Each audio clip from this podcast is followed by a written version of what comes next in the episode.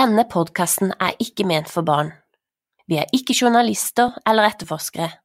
Vi er to true crime-nerder som liker å dypdykke i saker. Det du vil få høre er vår gjenfortelling av saker fra virkeligheten.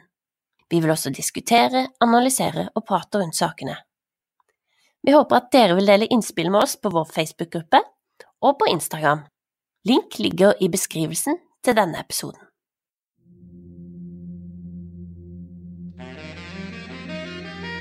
I romjula i 2011 ringer Russ Faria til 911. Han er akkurat kommet hjem fra en spillkveld og funnet sin kreftsyke kone med oppkutta håndledd i stua i deres felles hjem. Han forklarer til 911 at kona har tatt sitt eget liv.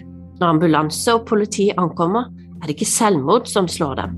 Betzy har knivstikk over hele kroppen, og dette er tydelig overkill. For Russ ser ikke dette bra ut, og alt peker mot han spesielt et vitneutsagn fra Betzy sin venninne Pam, som beskriver en ektemann som er både kontrollerende og voldelig. Men hvorfor drepe sin egen kone som er kreftsyk og ikke har lenge igjen? Dette er historien om Betzy Faria og marionettevitnet som fikk styre historien slik hun ville.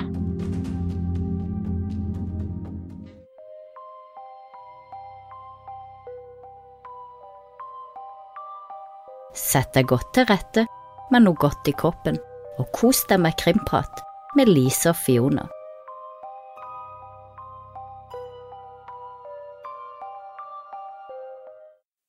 Hei og velkommen til en ny episode av Krimprat med Lise og Fiona. Hei, Fiona. Takk for sist. Hei, hei. Takk for sist. Nå fikk vi jo endelig møte hverandre på fredag etter Ja, det var noen år siden sist vi hadde sett hverandre ansikt til ansikt. Ja, kanskje ti år? Ja, noe sånn. Tida flyr. ja. ja. Det var jo veldig spennende å ta en tur til Kristiansand, på Folkebiblioteket. Ja, på Bjørnebodagfestivalen. Det var, var, veldig interessant, yes. absolutt. Du var jo på to sånne, er det intervju vi kan kalle det, med ja. Bjørn Olav Jahr? Mm. Det var det i forhold til Nei, det var kjempe ok. Mm, det var veldig interessant. Det handla jo om Tengs-saken og og Baneheia-saken, som er ja, to store, ganske godt kjente saker i Norge. Så det var absolutt interessant. Mm. Mm. Og nå kommer jo han med en ny bok, så det var vel egentlig den han uh, eh, snakka om, den prosessen mot Viggo Kristiansen. Mm, han så jeg husker tittelen riktig? Ja, det er helt riktig, og den forsto jeg kommer mm. ut nå 1. november. Ja, ja så det, det blir spennende. Det blir interessant å lese. Da fikk han litt reklame. Ja, det gjorde han. Det var ikke meninga egentlig, men ja. Men det var veldig koselig å treffe deg, i hvert fall. Ja, ja kjempekoselig. Ja. Fikk vi tatt noen selfies som vi kan legge ut? Det var jo veldig greit. Og hva har du i kroppen i dag da, Fiona? Ja, eh, en skuffelse har jeg i koppen i dag. Kopp med skuffelse. Nei, jeg skulle egentlig lage meg en pizza i stad, og så klarte jeg å brenne den. Ja. Så så nå har jeg ikke noe i koppen heller. Bortsett fra men det er jo et skritt, skritt, i riktig retning at du ikke brant kroppen din, men maten istedenfor, da, tenker jeg. ja, det er sant. ja, men du, jeg sitter jo med disse sakene, vet du, så glemmer jeg meg jo helt bort. For ja. du har sendt meg en eh, ny spennende sak i dag, så begynte jeg å lese på det, og da gikk tida, og så Ja. ja. Nei, en godt bredd pizza hadde bare vært Grandiosa, men det var det ikke, så derfor ble det ikke noe særlig å spise på. Nei. Nei. Og du, da? Hva har du i koppen? Nei, jeg har jo Jeg synder i dag. Jeg vet ikke om jeg tør å si hva jeg har i koppen engang. Du har tre men, sukkerbiter? Nei, faktisk ikke, men jeg hadde et veldig svakt øyeblikk på butikken i går, sånn at jeg sitter faktisk ja. med Sørlandets julebrus i koppen. Ja. Oh, oh, oh, du klarte ikke holde? Nei, jeg gjorde ikke det, og det er litt tidlig å begynne i oktober med de julegreiene, kjenner jeg, men uh, ja, ja, nå ble det sånn. Du må vente til november. Ja, men egentlig. var det godt? Det var veldig godt, det var det. Det er den beste julebrusa. Ja. ja. jo, jeg er enig i det. Den er veldig god. Ja, det er godt. Det er ikke alle som liker Sørlands julebrus. Mange syns han blir for søt, men uh, det er vel ikke noe hemmelighet at jeg er glad i sukker, så men det er et betent tema å diskutere julebrus. Folk kan jo bli forbanna. Ja. ja, og så er vi jo forbanna på folk som liker sånn derre julebrus som er rød. Det er jo rødbrus. Ja, takk. Vet du hva, altså, det gjør jeg òg. Det er ikke julebrus. Det er bursdagsbrus. Nei. Og nå får vi sikkert sinte meldinger på grunn av vi sa det. Ja, det gjør vi sikkert, men julebrus er ikke, ikke Nei, rød julebrus er ikke julebrus. Det er bursdagsbrus. Ja, enig i det, Ja. altså. Da er vi enige i var det. bramsatt Ja. mye å krangle. Ja, det var veldig godt. Men i dag, Fiona, så skal vi til en sak i Amerika, stemmer det? Ja, vi er jo stadig Mhm. der og roter, det er jo mye rart som skjer der. ja. um, så en eh, Ja, det er jo en sak fra 2011, men uh, siste nytt er jo fra i år, så den er jo aktuell. Spennende. Eh, den blir faktisk aktuell som film. Eh, jeg vet ikke helt når den kommer, men eh, det kommer en ny film om saken. Mm. Der René Selvenger spiller min kjære ja, hovedperson. Mm. Ja. Skal vi bare hoppe i det? ja, da er vi klare for historien om Betzy og venninna Pam. Ja. Og mannen Russ.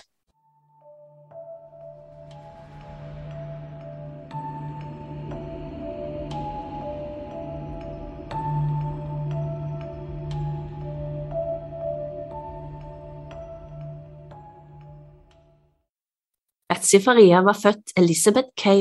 Meyer i 1969 i Missouri, USA. Hun hadde tre søstre som hun hadde et godt forhold til, og mange venner rundt seg. Og som 18-åring så var hun DJ på fritida, var kjent for å få folk opp på dansegulvet. Betsy møtte kjærligheten i Russell Faria. Hun hadde da to døtre fra tidligere forhold. Russ var en type som likte å suse rundt på motorsykkel, han likte å være utendørs og henge med venner. Han så tøff ut, men Betsy beskrev han som en teddybjørn.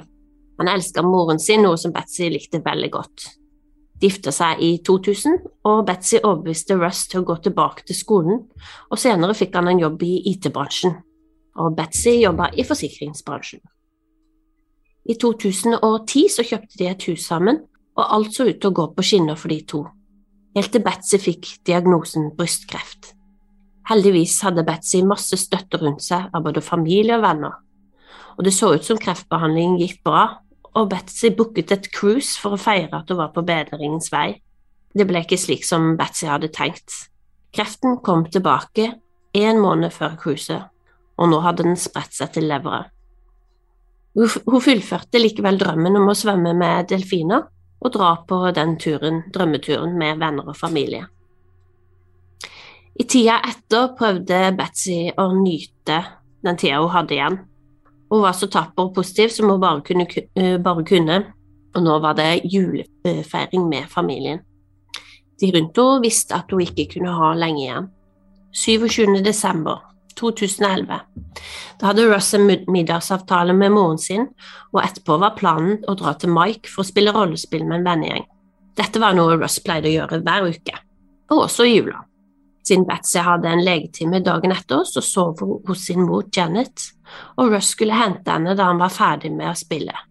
Etter Betsy var ferdig med behandlingen den dagen, tilbød en venn, Pam, å kjøre henne tilbake. Pam var en av Betsy sine gode støttespillere som stadig var med henne på kreftbehandlingene på sykehuset, og det var ikke uvanlig at hun tilbød Betsy kyss. Betsy teksta Russ i tolvtida om at han slapp å hente henne, men siden Betsy hadde glemt nøklene, så teksta hun Russ, og de ble enige om å la huset være ulåst.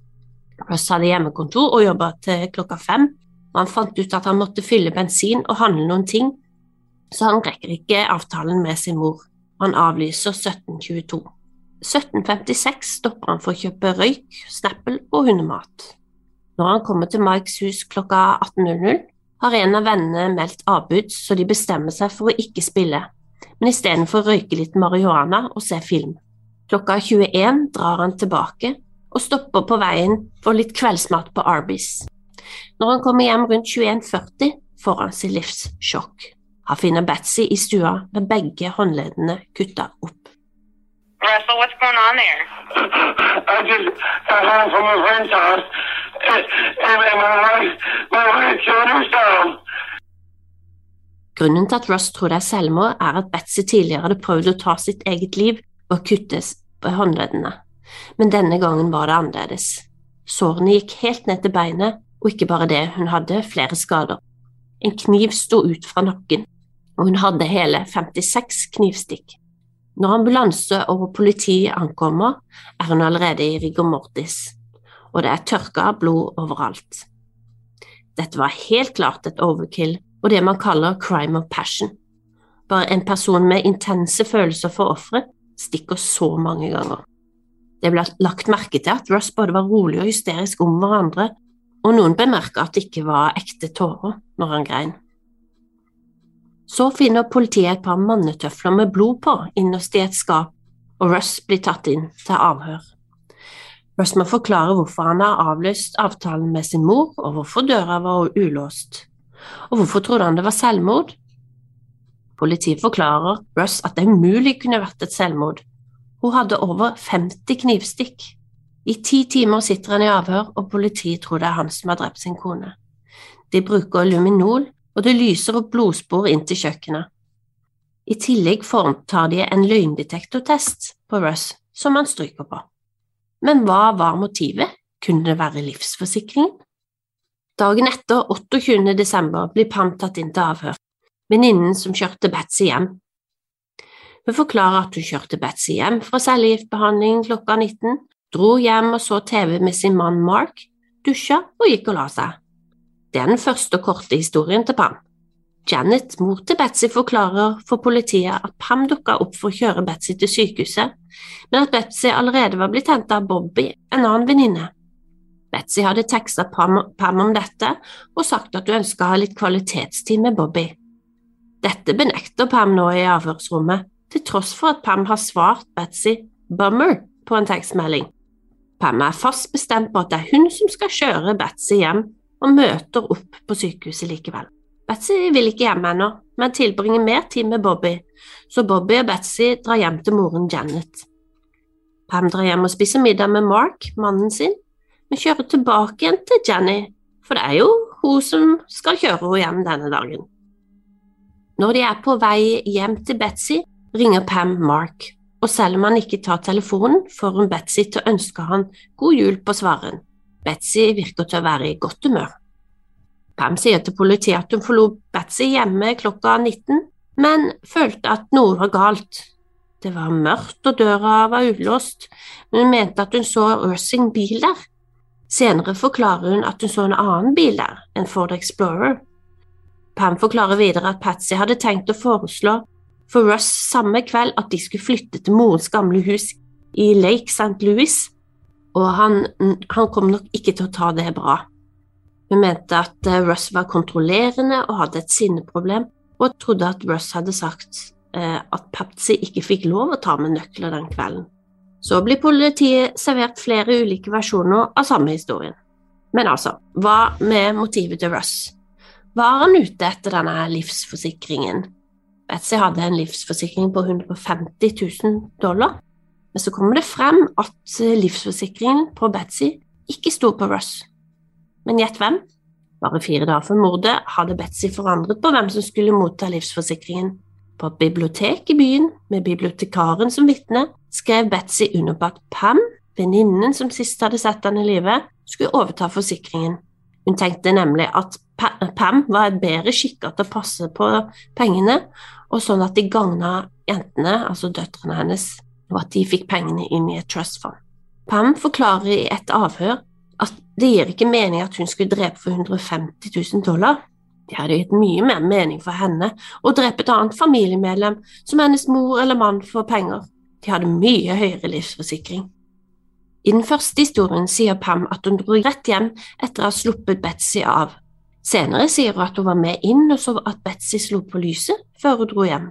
I en ny forklaring sier hun at hun ble invitert inn for å se et smykkeskap på soverommet som hun hadde fått av Russ i julegave. Hun tullet henne så inn i et teppe før hun gikk. Hun er litt usikker på om Betzy fulgte henne til døra eller ble i sofaen. Det kunne hun ikke huske.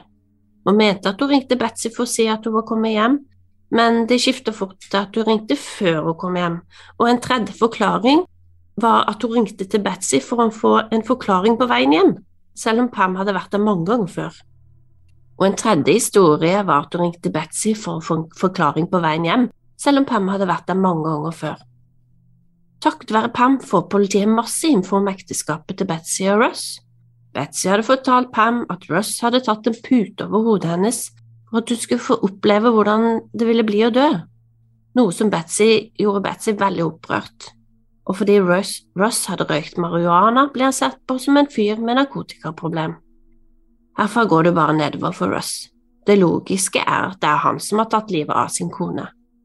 Pam skal også ta en løgndetektortest, men legen hennes sier at hun ikke har helse til det, så det blir det ikke noe av. Mye peker nå mot Russ, og 4. januar 2012 blir han arrestert for sikt og sikta for drapet på sin kone. 18. november 2013 begynner rettssaken. Til tross for at han har alibi og ekstremt lite vindu til å drepe sin kone, dømmer juryen han for drap bare to dager etter. Han får en livstidsdom. I 2013 skjer det et nytt dødsfall. Moren til Pam faller ned fra balkongen der hun bor. Så la oss gå tilbake. I et av de første avhørene nevner jo Pam moren sin. Om jeg virkelig vil ha penger fra forsikringen, ville det vært mye lettere å drepe moren min eller min mann. Hun påstod også at mora var senil, noe hun ikke var. Hun hadde en halv million dollar i livsforsikring, og hvem var den siste som så henne? Jo, det var jo Pam. Et anonymt tips kommer inn, og de ber politiet om å undersøke saken, men ingenting kom ut av det, og ingen snakka med Pam, og dødsfallet ble sett på som en ulykke. I 2015, i november, får Russ gjennom en ny høring av saken, og han får saken gjenåpna. Bevisene som dømte han, de holder ikke.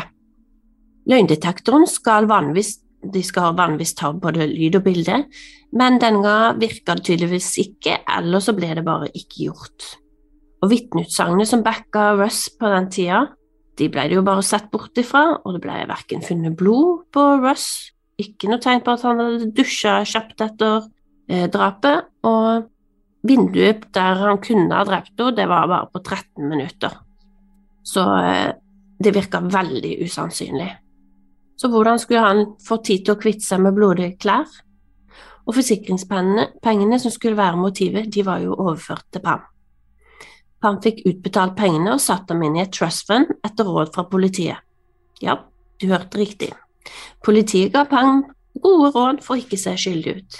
De sjekka ikke klærne hennes, bilen, og heller, de tok jo heller ikke løgndetektortest. Pam var i kontroll, og hun mente at den som skulle ha skylden for drapet, det var jo Russ. I den andre rettssaken slipper Pam en ny bombe.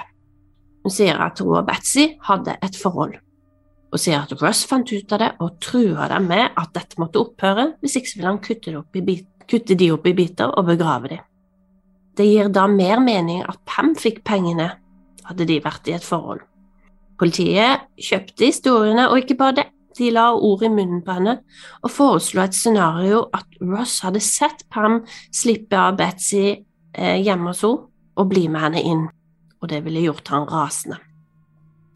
I et intervju sier hun at hun så Russ, Russ i en bil ved huset, men i et annet intervju sier hun at hun ikke så han.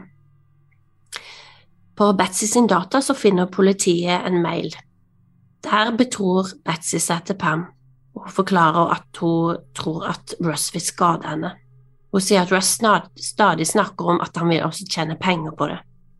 Men hvem er det som tipser politiet om denne mailen? Jo, det er også Pam. Først så fant de ikke mailen, men etter en ekspert har undersøkt PC-en, så fant de da en mail, eller en kladd av en mail, da. Men dessverre for Pam så fant de også ut at mailen den er ikke skrevet på Betsy sin data, men en annen data, og så overført til Betsy sin PC. Etter den andre rettssaken blir Russ, Russ frikjent, til tross for at Pam hadde gjort alt hun kunne for å sverte ham. Men Pam hun har bestemt seg for at Russ skal svi på for mordet på Betzy, og nå som han er en fri mann, har hun et siste stikk. 16. august 2016 får Russ høre at Pam Hubs har skutt en mann i sitt eget hjem. Og hvem har skylda? Jo, ifølge Pam er det Russ.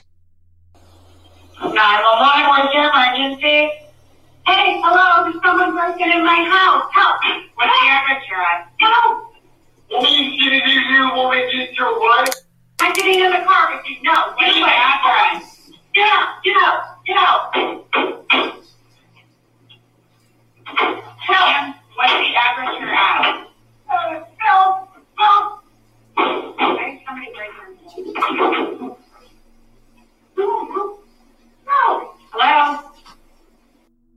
Hun sier at Louis Gumpenberger har tatt seg inn i hjemmet hennes og inn på soverommet, og hun skyter han fem ganger i selvforsvar.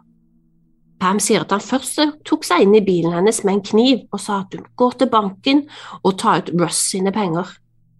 Pam sier at hun kom seg fri, og da løp han etter henne inn på soverommet i huset sitt, og da tok hun pistolen og skjøt han.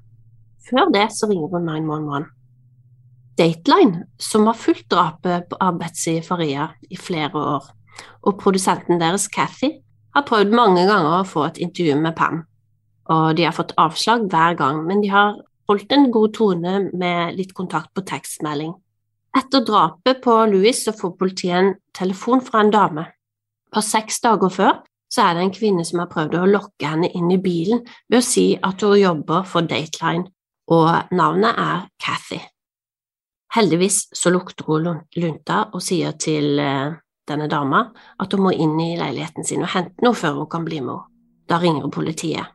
Rett etter rettssaken, eh, det var vel den andre rettssaken, så går går Pam forbi Dateline sitt kamera, og så sier hun 'say hello to Cathy', og Dateline lurer nå på om dette var noe Pam har planlagt siden hun møtte Cathy.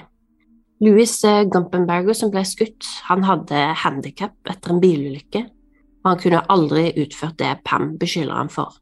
Han var rett og slett trukket inn i Pam sitt spill for nok en gang for å legge skylden over på Russ og i lomma hans lå det nemlig en lapp med Russ sitt navn på.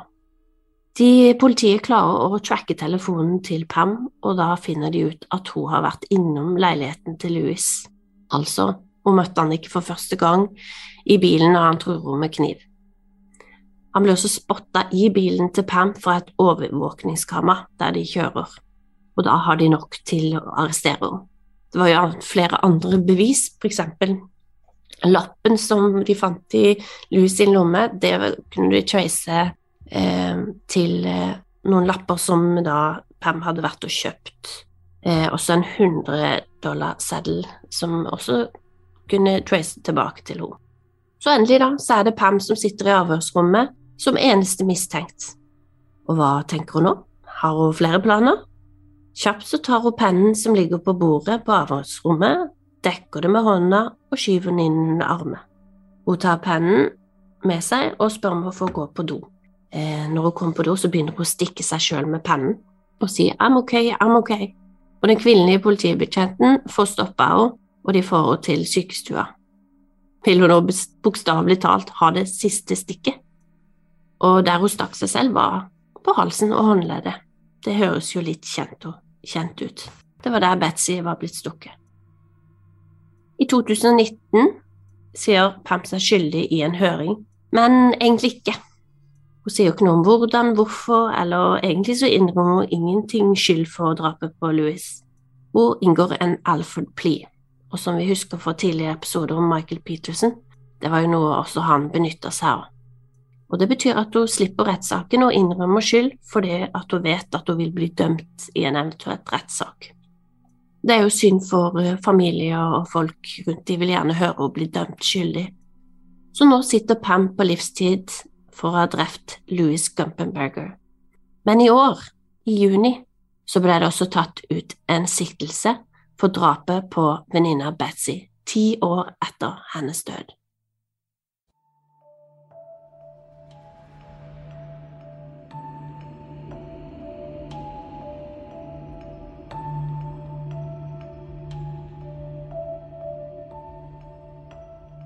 Ja, Lise, hva syns du om denne saken? Jo, det var jo en ganske vill historie, egentlig. Uh, ja. Ja, det var jo egentlig mange ting her som overraska, men ja, Pam har jo virkelig, må jo virkelig være en sjarmerende dame på et eller annet vis, tenker jeg, som klarte å komme seg unna så lenge som hun kom seg unna. Uh, ja. ja. Det kan du si.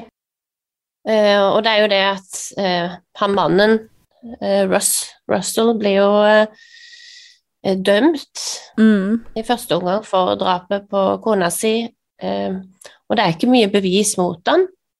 Han har jo Altså, han har jo ikke et 100 alibi, men han har jo et så lite vindu til å klare å drepe henne. Det er vel på 13 Mm. minutter.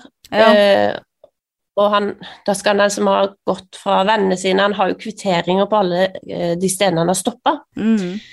Eh, Så han eh, I tillegg så er det at når det ikke fins blod på han, det er ingen tegn De sjekker om han kan ha dusja, det har han ikke gjort. Mm. Så det, ved 56 knivstikk så må det nødvendigvis være blod. Ja, for det var jo vanvittig mange knivstikk hun hadde, så det er jo ikke noe tvil om Mm. at eh, ja, du, du klarer ikke det uten å få noe blod på deg, i hvert fall. Uh, ja, nei. Nei. det var egentlig veldig rart, syns jeg, da, at han ble dømt i det hele tatt. Det var jo strengt tatt ingen, ingen bevis eller noe, og, og det som var der, pekte vel heller mot at han ikke hadde vært der. Hvor lenge var Mm. det han uh, satt inne uskyldig? Uh, nei, det var jo at saken ble jo Skal vi se, kom han ut i 2015, tror jeg. Han fikk i den andre rettssaken, ble jo gjenopptatt. Mm. Eh, Tre-fire år som han satt da, uskyldig.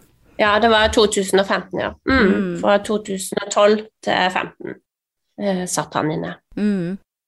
Eh, men, men samtidig så selvfølgelig mistenker de jo mannen jo, Han sier jo at uh, han tror det er selvmord. Mm. Han sier 'my wife killed herself'. Og det er jo klart at det er mistenkelig. Det kommer jo frem mye historier fra Pam, da, Mm. eh, som virker troverdig for de, at han var en dårlig ektemann, og hun backer det opp med forskjellige ting. Og Mm. den her mailen da, som hun tydeligvis har skrevet sjøl, men Ja. ser ut som det er Betzy som har skrevet den. Mm. Eh, Det er så mange ting hun har gjort for å frame han, da. Ja, og så tenker jeg sånn i Eh. utgangspunktet eh, når man snakker om drap, så er det jo gjerne Det er jo sjelden noen dreper bare for å drepe. Ofte så er det jo et motiv bak. Eh, og kona Mm. hans hadde vel heller ikke så veldig lenge igjen å leve, for hun hadde kreft som var spredd seg til levra og Så det var liksom ikke Mm. noe Ikke var det noe livsforsikring heller, den var jo faktisk eh, Pam som fikk den livsforsikringa, så det var liksom ikke noe motiv for at denne ektemannen skulle ha drept henne heller, men det virker som politiet bare dreit i det, eller overså det totalt. Syns det var rart. Altså, Han vet jo ikke at eh, livsforsikringen er skrevet over på Pam, så han kan jo ha trodd at han hadde 150 dollar 150 dollar 150 000 dollar å cash in, Mm. så det kunne jo fremdeles Ja. vært et motiv, da. Det er sant, ja, for han Eh, men- fant ut av det i ettertid, at hun hadde skrevet den forsikringa over på Pam. Han visste ikke det når hun Mm. døde. Nei. Men hva er Pam sitt motiv? Ja, det Ikke sant? mm. Det vet vi ikke, for hun har jo ikke måttet uttale seg om dette eh, foreløpig. Så hva, hva i verden kan hun sitt motiv være? Er det at hun ble forbanna den dagen på henne fordi at eh, hun ikke fikk kjøre henne hjem og hun ble misunnelig på Bobby, kanskje, eller mm. eh, jeg, jeg forstår ikke hva hun sitt motiv kan ha vært. Ja, Eh, men, fordi at men det, det det er var de jo pengene, da. Ja, det er jo de pengene. Hvem var det som Hadde, hadde kommet frem hvem som ville at Pam skulle ha forsikring? Er det Pam som har pressa Betzy, eller er det Betzy som ønsker at Pam skulle ha Det har vi har jo bare Pam sitt ord på det, og hun sier jo at det Ah. var Betzy som ville det, så Betzy kan dessverre ikke uttale seg. Nei, for det var jo bare fire var- dager før hun ble drept, var det ikke det? Ja, Mm. Men må jo spørre deg liksom bare hvorfor, hvorfor Altså, kanskje det er så enkelt som at hun eh, Hvis det hadde gått mer tid, da, ikke Betzy Mm. hadde dødd, så ville mannen finne ut at livsforsikringen var flytta over, og Det kan da hadde hun ikke fått den. Men, Mm. men samtidig 56 eh, knivstikk. Hvorfor ikke Mm. gjøre det enkelt, da, og bare ta livet av henne med et dødelig stikk eller noe? Mm. Eh, Det er jo det er jo tenke- overkill, som hun må jo vært forbanna. Ja, jeg skulle akkurat, det var det jeg skulle si. Det virker jo som du sier overkill. Altså, når du stikker noen så mange ganger, så er det jo ofte eh, et personlig eh, motiv som ligger bak, at det, det ja, sinne og Mm. man virkelig ikke bare vil drepe personen, men virkelig, virkelig skade personen. På alle Mm. måter. Og- Så Var det planlagt, eller var det ikke planlagt? Det vet vi jo Mm. heller ikke. Eh, la oss si at Betzy fortalte henne at du, i dag har du vært veldig slitsom. Du, altså, hun insisterte jo på å kjøre henne hjem eh, gang på gang, ikke sant? Mm. Mora var jo villig til å kjøre henne også, Russ kunne hente henne, så Mm. det var jo ikke nødvendig for Pam å kjøre henne hjem. Men så kan jo Betzy ha tatt det opp på veien at du Jeg syns ikke det var så greit at du maste på meg om det i dag, jeg ville være sammen med venninna mi. Og så Mm. var jeg bare sånn Dette er takken for at jeg kjører rundt på det og alltid stiller opp. Wow, Ja. Så blir hun Ja, psycho, liksom. Ja, hun virka jo som hun ble litt eh, ja, sjalu eller irritert på at hun skulle ut med hun andre venninna, var det Bo Bobby hun het. Mm. Eh, så det virker jo som det trigga noe i Pam, da. Ja. Så, Så, så det kan liten personlighetsforstyrrelse, kanskje. mm, Det har jo slått meg at hun kan være narsissist, da. Ja. Vi kan jo, Jeg har en sånn sjekkliste på na- narsissisme, holdt jeg på å si. Ni punkter. Skal jeg ta de? Mm, uh, se om vi kan eh, kjenne igjen noe her. Ja. Ehm, så folk som hører på nå, som bare Oi, jeg kjenner en som dette passer under. Uh, det kan jo være. Vi har vel alle litt sånn trekk. Vi er alle litt narsissister. Ja, Nei, for det er, det er forskjell på å liksom være en litt selvsentrert person, da, Ja. eh, og det å være narsissist. Det er ikke Mm. det samme som å være litt ego. Det er helt sant. Du har en veldig grandios oppfatning av din egen betydning. Mm. Altså, jeg tenker jo Donald Trump, tenker jeg jo med en gang. Um, overdreven tro på deg sjøl. Det kan være taleevner, det kan være hva som helst. mm. Og du er opptatt av fantasier eh, om ubegrensa berømmelse, suksess og makt og briljanse eller skjønnhet eller ideell kjærlighet.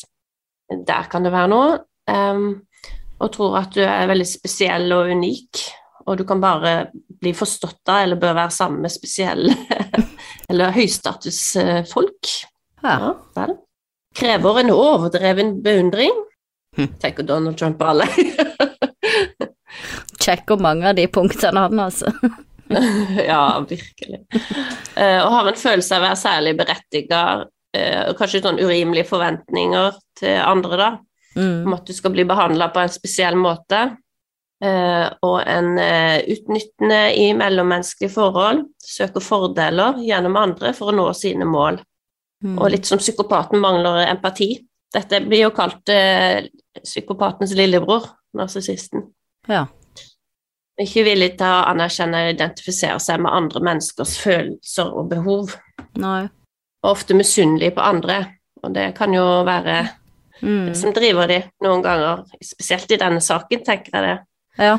Og viser en arrogant, hårmodig atferd eller holdning. Jeg tipper at eh, Pam Hobbes er narsissist. Mm. I- Iallfall. Kanskje Ja. også en psykopat. Ja, ja, noe må det jo være, tenker jeg, når du gjør sånne ting, så er det jo ikke helt normal, i hvert fall. Men åssen var fortida til Pam egentlig? Har det vært noe sånn, ja, lignende Eh, ting før, eller hvor gammel var hun, og ja, hva slags familie kommer altså, fra? Hun kommer jo fra en helt uh, grei familie, egentlig.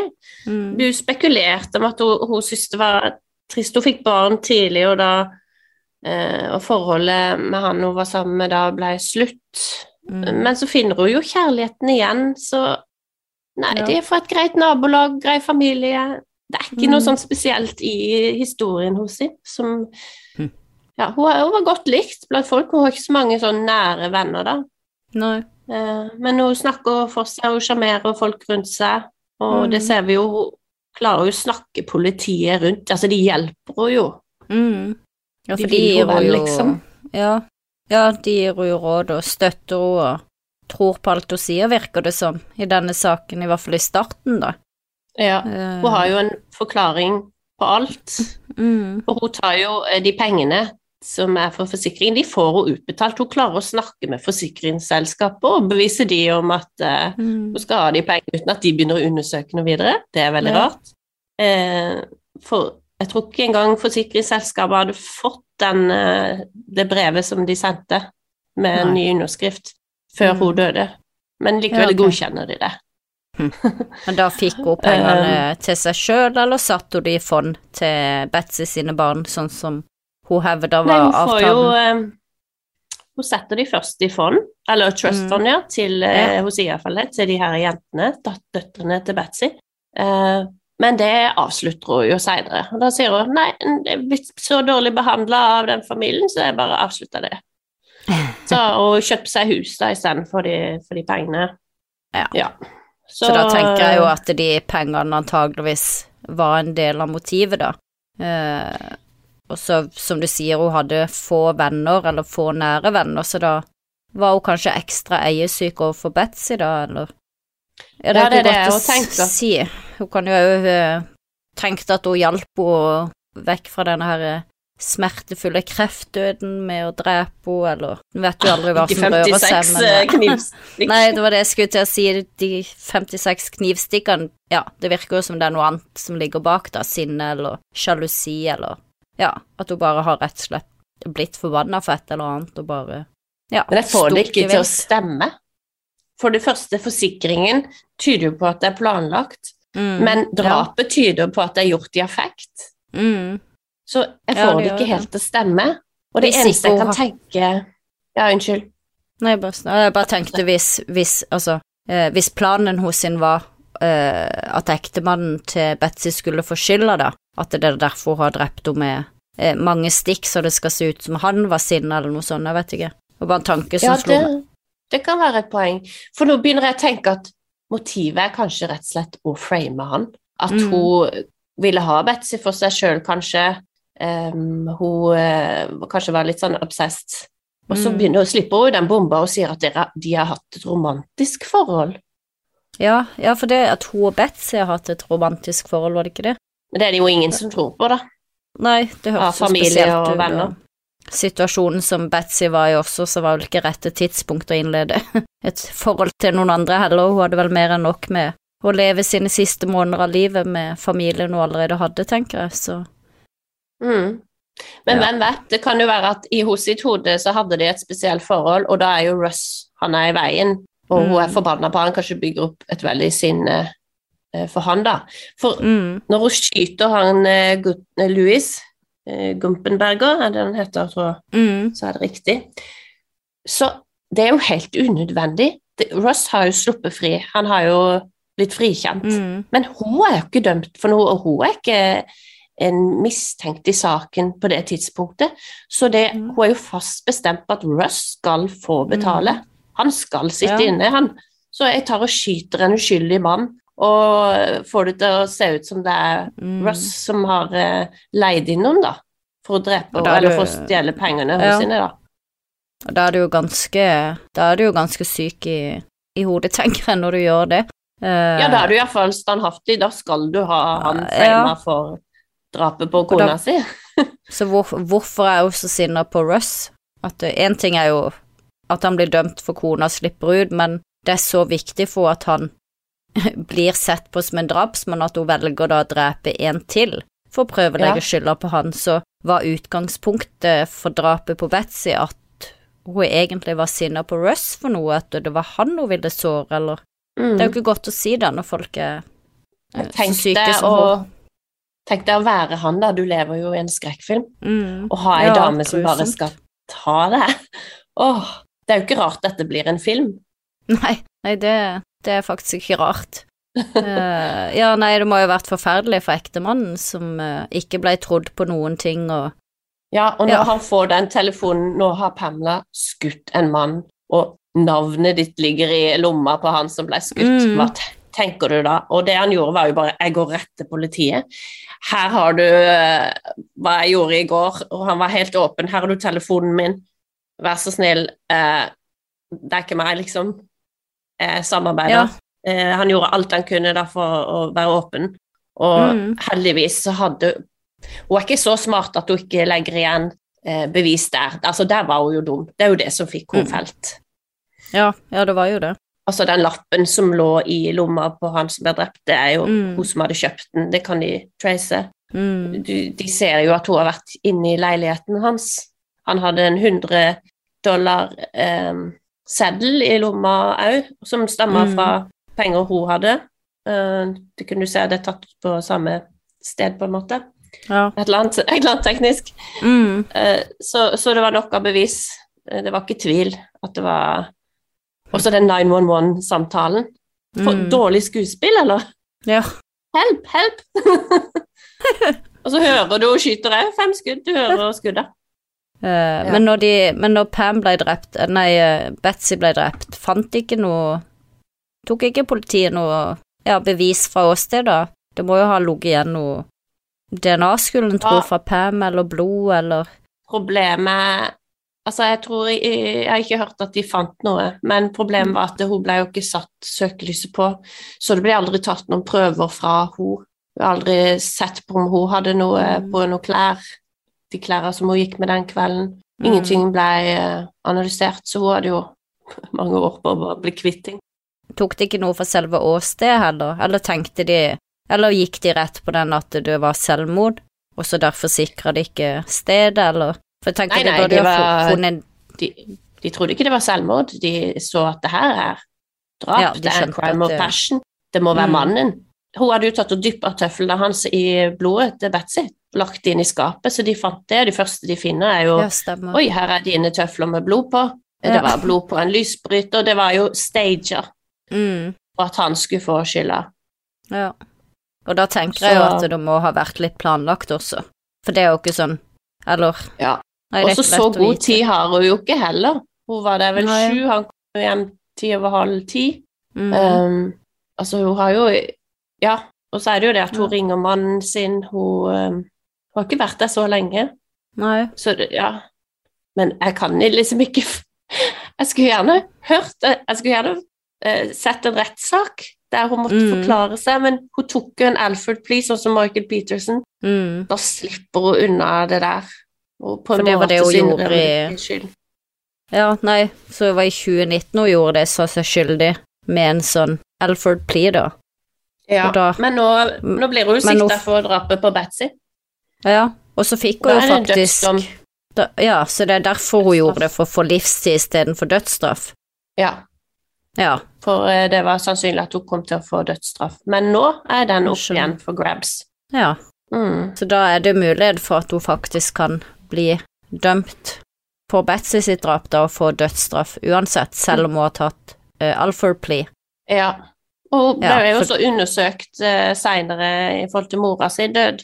Eh, og det, det ble bare Første Mm. gang så ble det jo sett på som en eh, ulykke, andre ganger så var det sånn inconclusive.